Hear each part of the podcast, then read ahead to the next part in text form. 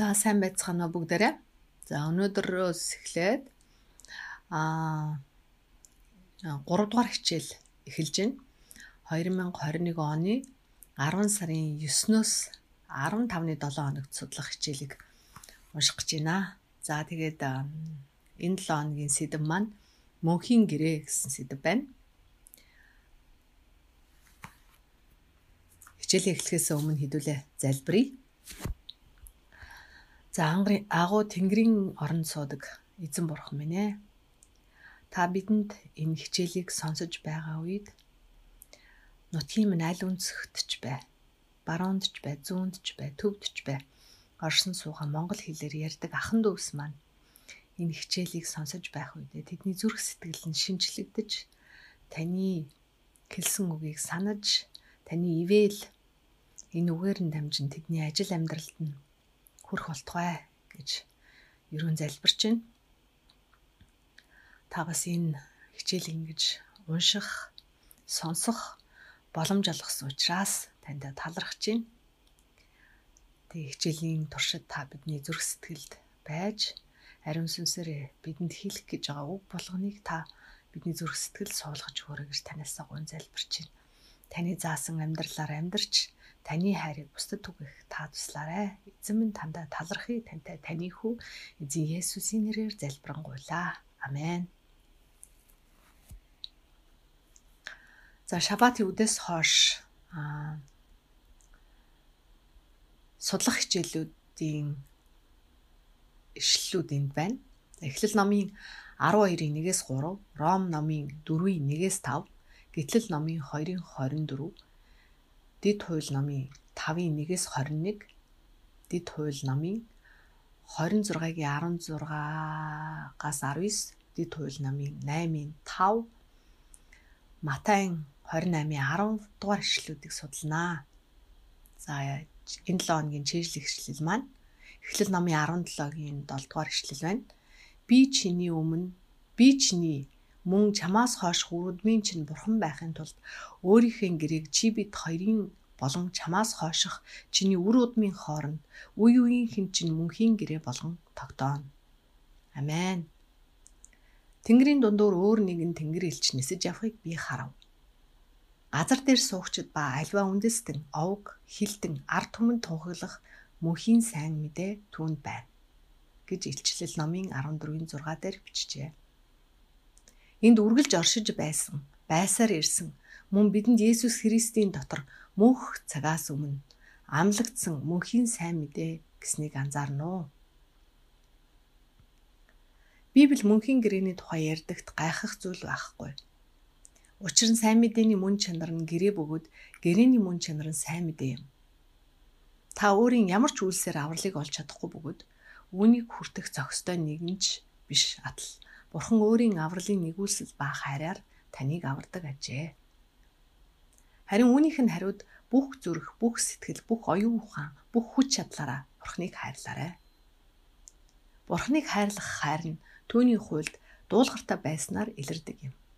Бурханыг хайрлах нь түүний туршаалуудыг сахих явдал юм гэж 1-р Иохан 5:3 дээр хэлжээ. Энэ 7 хоног бид дид хууль номд илчлэгдсэн гэрээний ойлголтын тухай судална. Дид хууль ном нь гэрээ болон үүнтэй холбоотой бүхэл зүйлийг тодорхой тусгасан байдаг.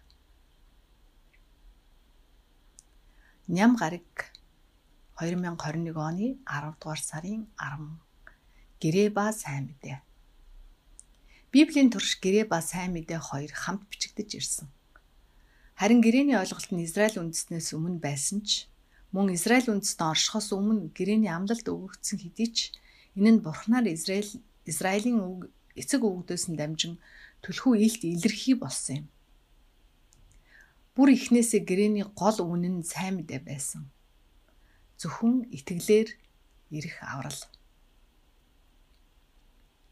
Эхлэл номын 12 дугаар бүлгийн 1-ээс 3, Эхлэл номын 15 дугаар бүлгийн 5-аас 18, Ром номын 4 дугаар бүлгийн 1-ээс 5-ыг уншаад Авраам болон Абрах Авраамд өгсөн гэрээний амлалт юу байсан бэ? Тэрхүү амлалтанд сайн мэдээ хэрхэн илчлэгдсэн бэ гэдгийг хэдүүлээ харъя. Эхлэл номын 12-ийн 1-ээс 3. Тэгээд эзэн Авраамд айлдахдаа чи их нутгаас төрлүүдээс мөн эцгийнхээ гэрээс гарч чамд миний харуулах нутг руу явагтун. Чамаас би агуу үндэстнийг гаргаж чамааг бас би өрөөн. Чиний алдрыг би агуу болгоно. Чи тэгээд өрөөл болтугай. Чамааг өрөөгчдийг би өрөөж, чамааг хараагчийг би хараана. Газар дэлхийн бүх овог чамаар өрөөгдөх болно гэв. Эхлэл номын 15 дугаар бүлгийн 5-аас 18. Түүнийг гадагш гаргаж чи тэнгэр өөд хар. Оддыг тоолж чадваас тоол гэв. Тэгээд тэрээр түнд үр удам чинь ийм олон болно гэж айлдав. Тэгээд Авраам эзэнд итгэсэнд эзэн үгээр нь түүнийг зөвд тооцов. Тэрээр Авраамд би бол чамд энэ газар нутгийг өгч өглөөлөхээр чамайг халдайн уураас авчирсан эзэн байна гэхэд Авраам Бурхан эзэн минь энэ газрыг өвлөн авахаа би хэрхэн мэдэх вэ гэж хэлв.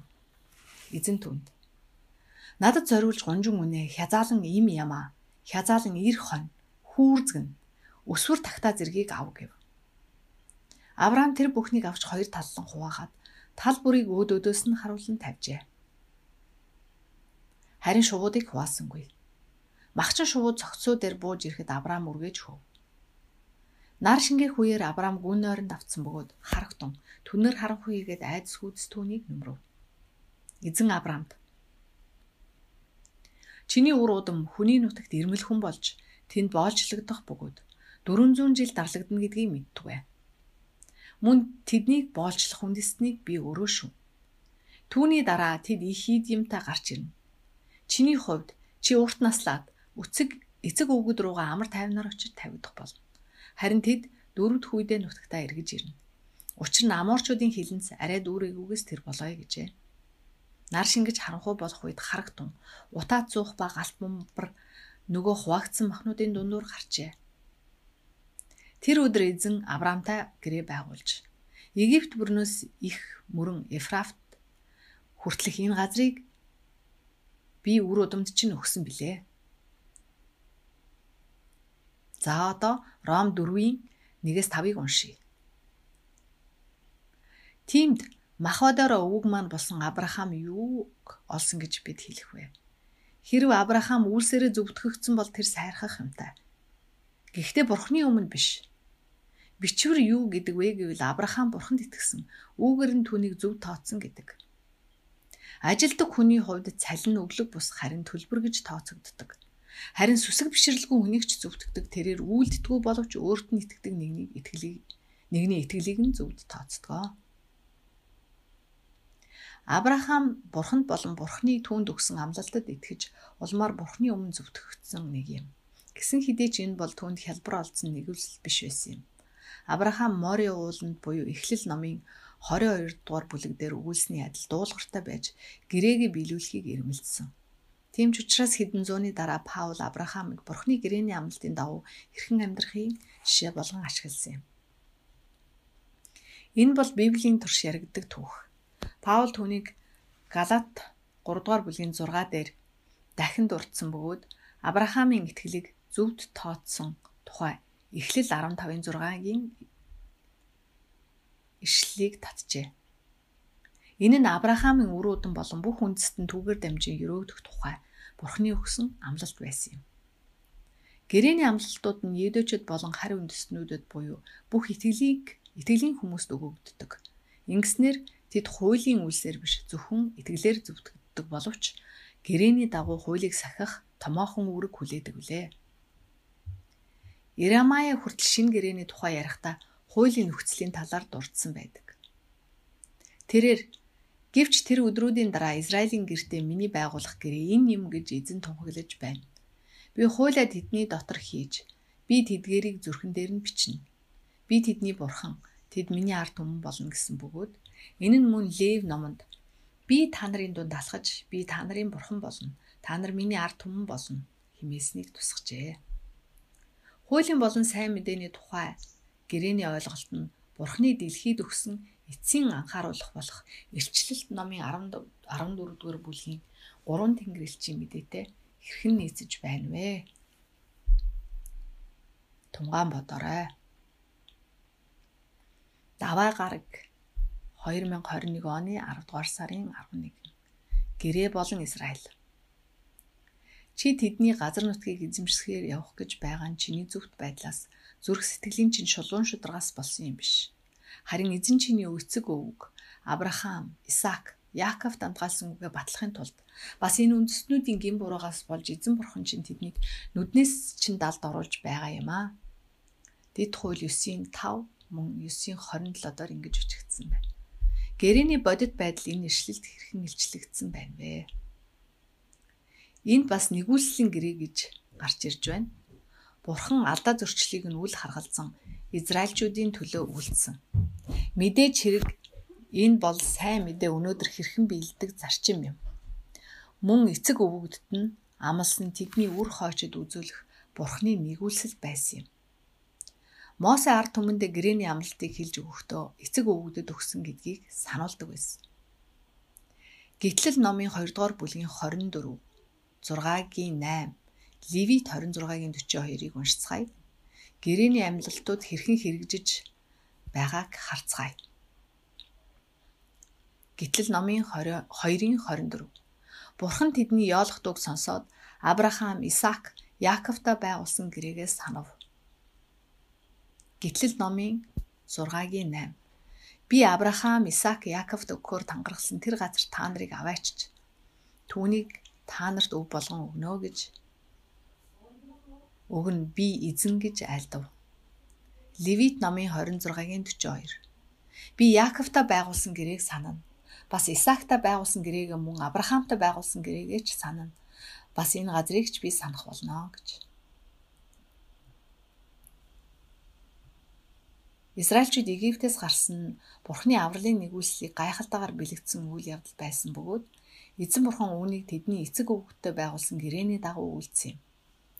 Гэрээний амлалтын үр шимийг хүртэгчид төрхөөс өмнө нь амлалт өгөгдсөн байсан.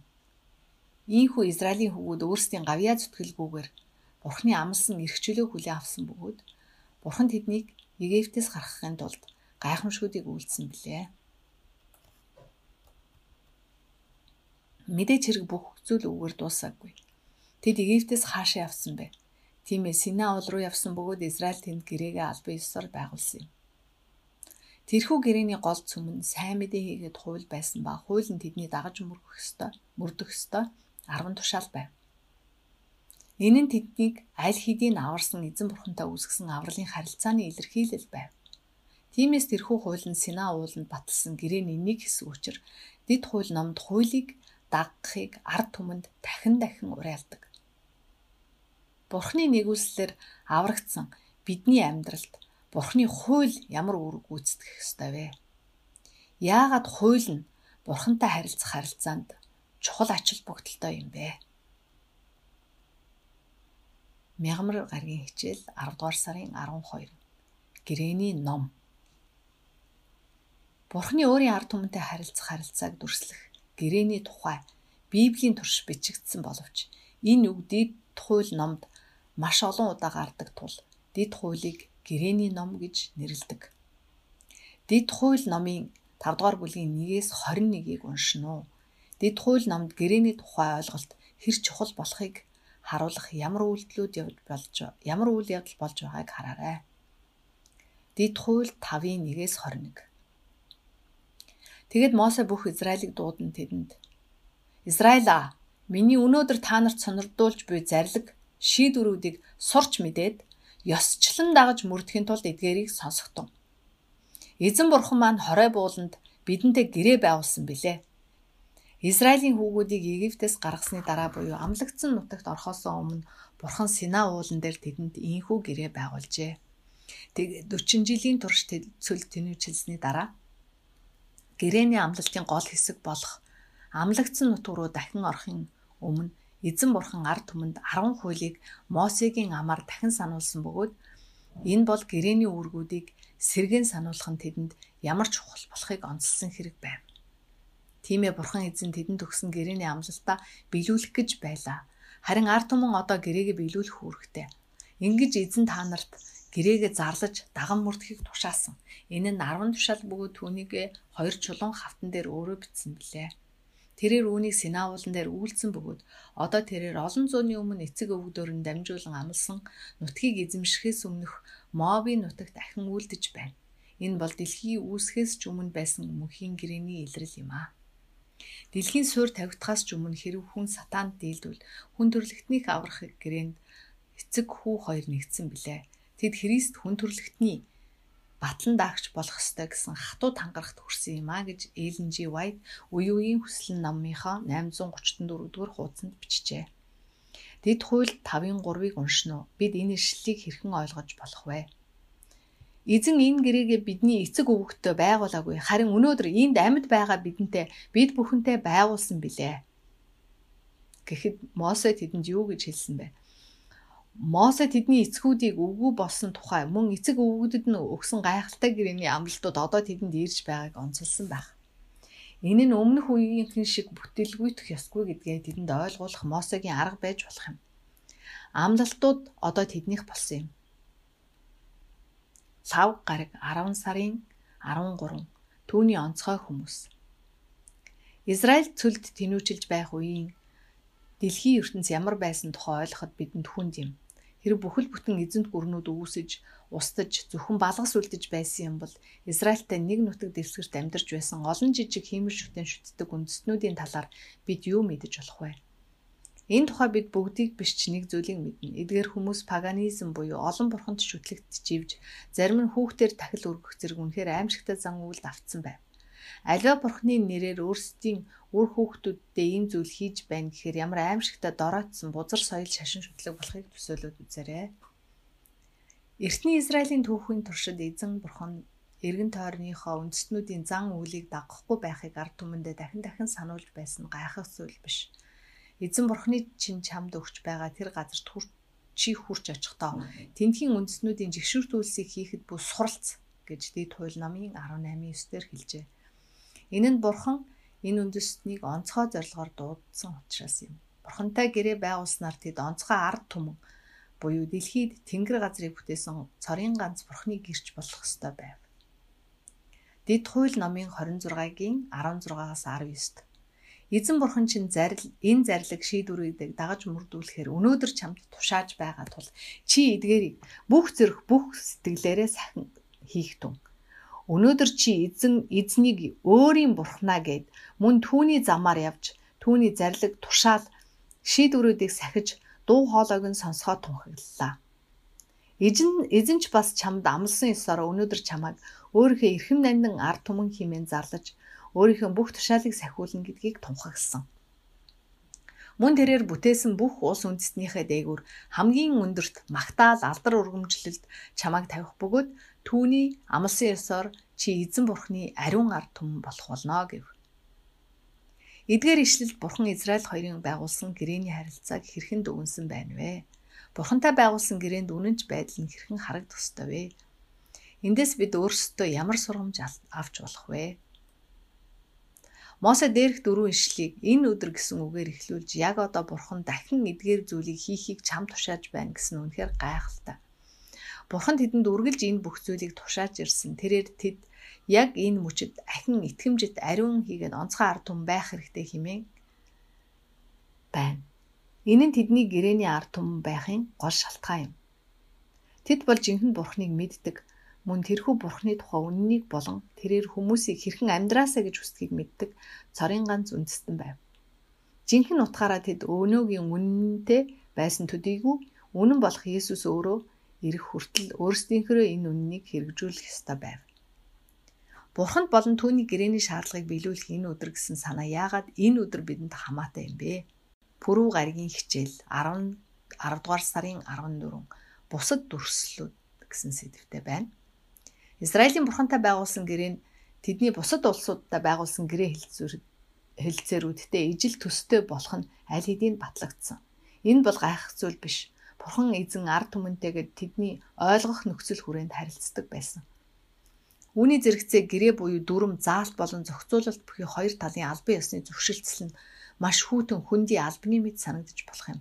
Тиймдээ ч энэ нь үнэхээр байх ёстой элемент боловч бурхны ард түмэнтэйгээ харилцахыг хүсдэг гүн гүнзгий хийгээд өргөн цар хүрээтэй харилцаа үүсгэхэд хангалтгүй юм. Иймээс ди туйл номд Бурхан Израилийн хооронд байгуулсан гэрээтэй ижил санааг дүрслэхдээ өөр бусад дүрслэлүүдийг ашигладаг. Гэвч энэ нь зөвхөн нэмэлт ойлгох ойлголт өгөх зорилготой юм аа. Дэд хууль номын 8-ын 5, 14-ийн 1, 32-ийн 6, 18-аас 20-ыг хэдүүлээ уншийе. Дэд хууль номын 8-ын 5 дээр эцэг хүн хүүгээ хүмүүжүүлдэг шиг эзэн бурхан чинь чамайг сахилгажуулж байсныг зүрхээрээ ухаар гэж хэлсэн байна. Дэд хууль номын 14-ийн 1 дээр та нар бурхан эзнийхээ хүүхдүүд юм. Талигаачийн улмаас өөрийгөө бүү зүс бас магнаага бүү халзал гэж хэлсэн харийн шашныг харийн ёсыг хорсон байна. За дэд хууль номын 32-ын 6 дээр харалган хийгээд мулгуу ардуудаа та нар эзэнд ингэж хариу барьж байгаа юм уу? Чамааг бүтээж чамааг бий болгож чамааг тогтоосон тэр эцэг чинь босуу гэжээ. За дэд хууль номын 32-ийн 18-аас 20 дээр өөрийг чинь төрүүлсэн хадыг чивүүл хайхран чамаа гаргасан бурхныг чи мартжээ. Эзэн үнийг хараад жигсэн зэвүүдсэн билээ. Учир нь хөвгүүд огтно түүнийг хилэгнүүлсэн юм. Тэгээ тэр айлцсан. Би тэднээс нүрээ буруулна. Төгсгөл нь ямар байхыг би харна. Учир нь тэд тэрслэн үеийнхэн итгэлгүй хөвгүүд гэжээ. Энд ямар дүрслэлийг ашигласан байна вэ? Энэ нь бурхан өөрийн хүмүүстэйг ямар харилцаатай байхыг хүсэж байгааг хэрхэн харуулж байна вэ? Дид хууль намын 4-ийн 20 32-ийн 9-ийг уншийе. За энд ямар дүрслэл ашигласан байна? Бурхан өөрөө өөрийнхөө хүмүүстэй ямар харилцаатай байхыг хүсэж байгааг хэрхэн харуулж байна гэдгийг бодоорой. Дэд хууль номын 4-ийн 20 Харин эзэн та нарыг өнөөдөр их шиг өөрийн эзэмшлийн ард түмэн болгохын тулд авч Египтээс төмөр хайлуулах зуухнаас гарган авчирсан. Дэд хууль номын 32:9 Эзний хувь нь өөрийнх нь ард түмэн. Яаков бол түүний сонгож авсан өв. Эдгээр ишлэл бүрд гэр бүлийн тухай ойлголт гарч ирдэг бөгөөд энэ бол хамгийн ойр дотн хамгийн бат бөх хайрын харилцаа юм. Бурхан ард түмэнтэйг ийм харилцаатай байхыг үргэлж хүсдэг. Тэд загалмаа дээр Есүсийг үгүйсгэсэн, ичгэвтер хэрэг үйлцэн ч гэсэн эзэн Есүс эзэн амьсныхаа дараа Мариад хандан явж ах トゥ уст минь Галил руу яв гэж мэдэгд. Тэнд намайг тэд харах болно гэж хэлсэн. Дахин амьсныхаа дараа ч Христ шавнараа ах トゥ ус минь гэж дуудсан түүний хайр нэгүслийг хүртэх эрэхгүй эдгээр хүмүүсийг хэрхэн хайрлаж байсны жишээ. Бурхан ба хүн төрлөختний хоорондын харилцаа үргэлж ийм байсаар ирсэн. Хүртэх зохисгүй ч нэгүсэл ба хайрыг өгсөөр байх. Та бурхантай ямар харилцаатай байна вэ? Та энэхүү харилцаагаа хэрхэн гүнзгийрүүлж мөн түүнийг илүү их хайрлахад суралцж болох вэ? Үүний зэрэгцээ та бурхны хуулийг дуулууртай дагах үүргээ ойлгож байна уу? Эдгээр хоёр санаа яагаад зөрчилдөхгүй харин бие биеэ нөхөж байна вэ? Баасан гаргийн хичээл 10 дугаар сарын 15 гүнзгийрүүлэн судлах нь. Боолчлын сүнс нь шашны хууль ёсны дагуу амьдрахыг эрэлхийлж, хуулийн шаардлагыг өөрсдийн хүчээр биелүүлэхийг эрмэлзэх үед гарч ирдэг. Христ Есүст итгэх итгэлээр ирсэн нэгүслийн гэрээ болох Авраамийн гэрээнд орох үед л бидэнд найдвар бий болдог. Авраамд итгэл найдвар төрүүлэн сайн мэдээ нь өнөөгийн бидэнд тунхагласан Авраамд итгэл найдвар төрүүлсэн сайн мэдээ нь өнөөгийн бидэнд тунхагласан сайн мэдээ байсан юм. Авраам Есүс рүү харж байсан бөгөөд тэрээр бидний итгэлийн эхлүүлэгч ба төгсгөгч юм гэж Эллен Ж. White 7 дахь өдрийн Адвентист Библийн тайлбар номонд бичсэн байна. Сатаны хорлолд өртсөн хүнийг аврахаар эцэг хүү хоёр ертөнц үүсгэхээс өмнө ам тангараа өргөсөн байсан. Христ хүн төрлөختний баталгаа золиос болохоор шийдвэрлэж баясгалантайгаар тангаргалж гар хатгасан аж. Христ энэ тангаргаа биелүүлжээ. Тэрээр загалмаад цовдлуулад байхдаа гүйцлээ гэж дуу алдан эцэгтэй ханджээ. Тэр хийх ёстойгоо хийж гүйцэтгээд одоо эцэг минь би хийх ёстойгоо хийлээ. Тэнгэрийн эзэн минь би таны хүсэл зоригийг гүйцээлээ. Авралын үйл хэрэгээ би дуусглаа. Хэрвээ таны зөв шударгыг хэрэгжүүлж чадсан аваас би таны надад өгсөн бүх хүнтэй хамт байх болно гэж Эллен Ж. White үе үеийн хүсэл номныхоо 834 дугаар хуудсанд бичжээ. Хэлэлцэх асуултууд. Дэлхийн ертөнц үүсгэхээс өмнө ч эцэг хүү хоёр гэрээнд нэгдэж хэрэг хүн төрлөخت нь сатан сатанд дийлдвэл биднийг золин аврах тухай гарсныг анхаараарай. Энэ явдал бидэнд яагаад маш их урам зориг өгөх ёстой вэ? Энэ нь бурхан биднийг өөрийн хаанчлалд нэгдэн нэгтгэн аврахыг хэр их хүсдэг талаар бидэнд юу зааж байна вэ? 7 дахь өдрийн адвентист сүмийн хувьд бид эртний Израилийн гүйцэтгэх ёстой байсан үргийг ямар аргаар хэрэгжүүлэх ёстой вэ? Бидний хийсэн алдаанаас зайлсхийх зайлсхийхийг бид хэрхэн сурч болох вэ? Тэдний хийсэн алдаанаас зайлсхийхийг бид хэрхэн сурч болох вэ? Сайн мэдээ ба сайн мэдээний амлалтууд яагаад шинэ гэрээний үзэл санааны гол цөмөнд болдог вэ? Шинэ гэрээнд бусад Христэд итгэгчдийн заадгаас ялгаатай буюу шинэ гэрээний хууль хийгээд эдгээрийг сахих явдал хүчин төгөлдөр хийвэр болохыг харуулсан ямар ишлүүд байдаг вэ? Олон Христэд итгэгчид яагаад 10 хуулийг сахих шаардлагагүй гэж хэлдэг гэж та нар бодож байна вэ?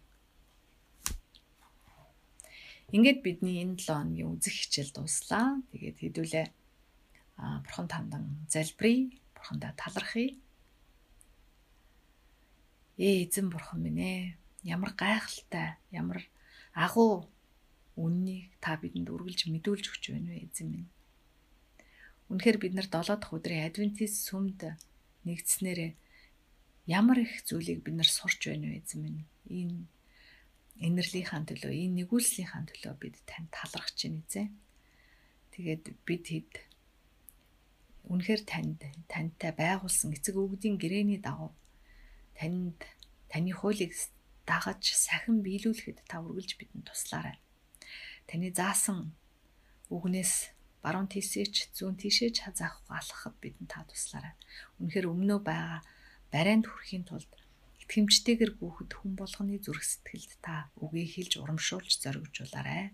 Эзэн бурхан таньда талархъя. Тантай таны хүү эзэн Есүсийн нэрээр залбирanгуйлаа. Амен.